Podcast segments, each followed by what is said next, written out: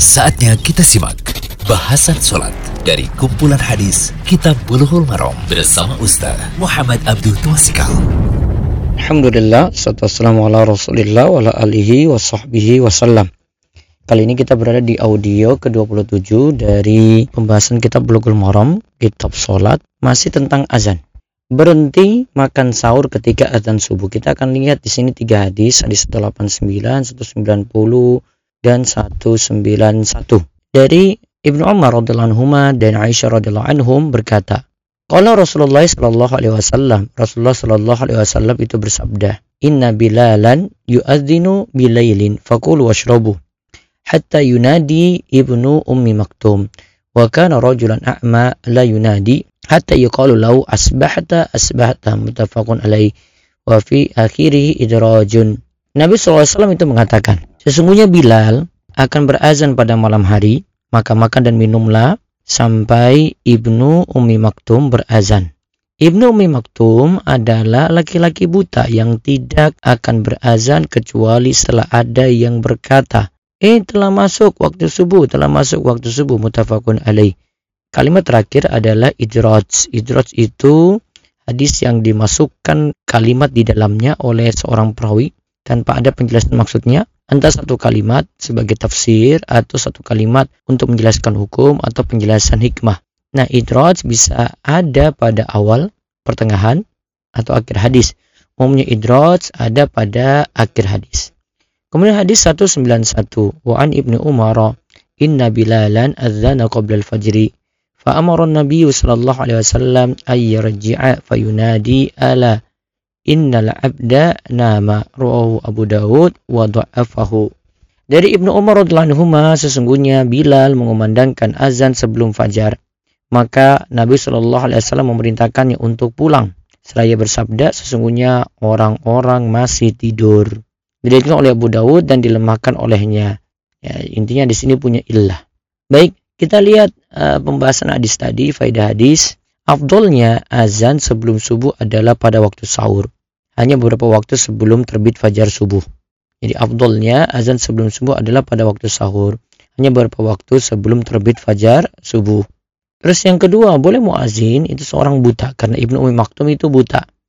Tentang masuknya waktu sholat bisa ada yang memberikan kabar untuknya sehingga dia langsung mengumandangkan azan.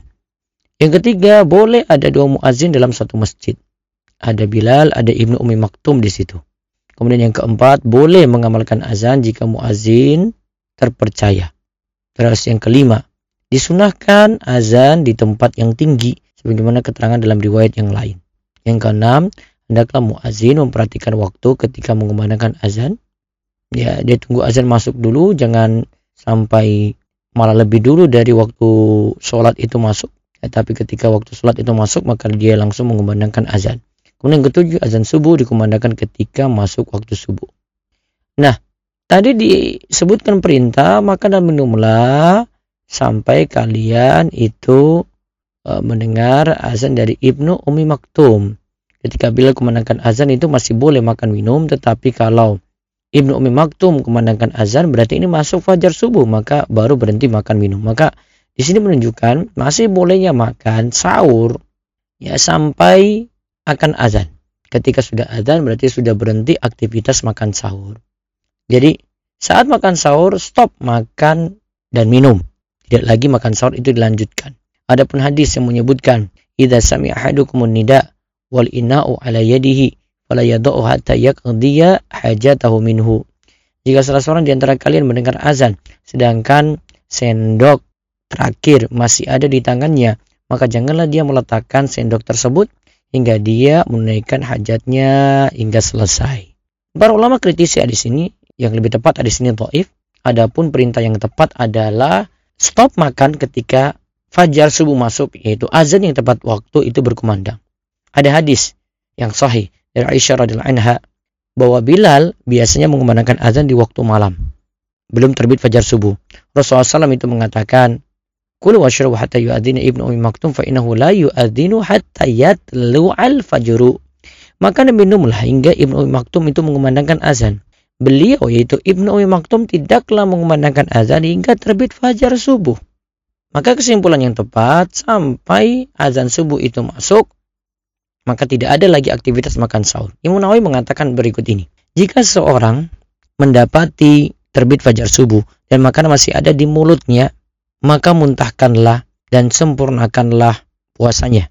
Jika makanan tersebut ikut tertelan setelah ia mengetahui fajar subuh sudah terbit, puasanya batal. Hal ini tidak diperselisihkan oleh para ulama. Dalilnya adalah hadis Ibnu Umar dan Aisyah radhiyallahu anhum bahwa Rasulullah SAW itu bersabda, sesungguhnya bila mengumandangkan azan pada malam hari, makan dan minumlah hingga Ibnu Ummi Maktum mengumandangkan azan. Hadis riwayat Bukhari dan Muslim. Berarti ketika sudah kumandang azan dan itu adalah azan subuh yang tepat waktu, maka aktivitas makan sahur hendaklah berhenti. Wallahu a'lam bishawab. Demikian bahasan sholat dari kumpulan hadis Kitab Bulughul Maram bersama Ustaz Muhammad Abdul Tuasikal.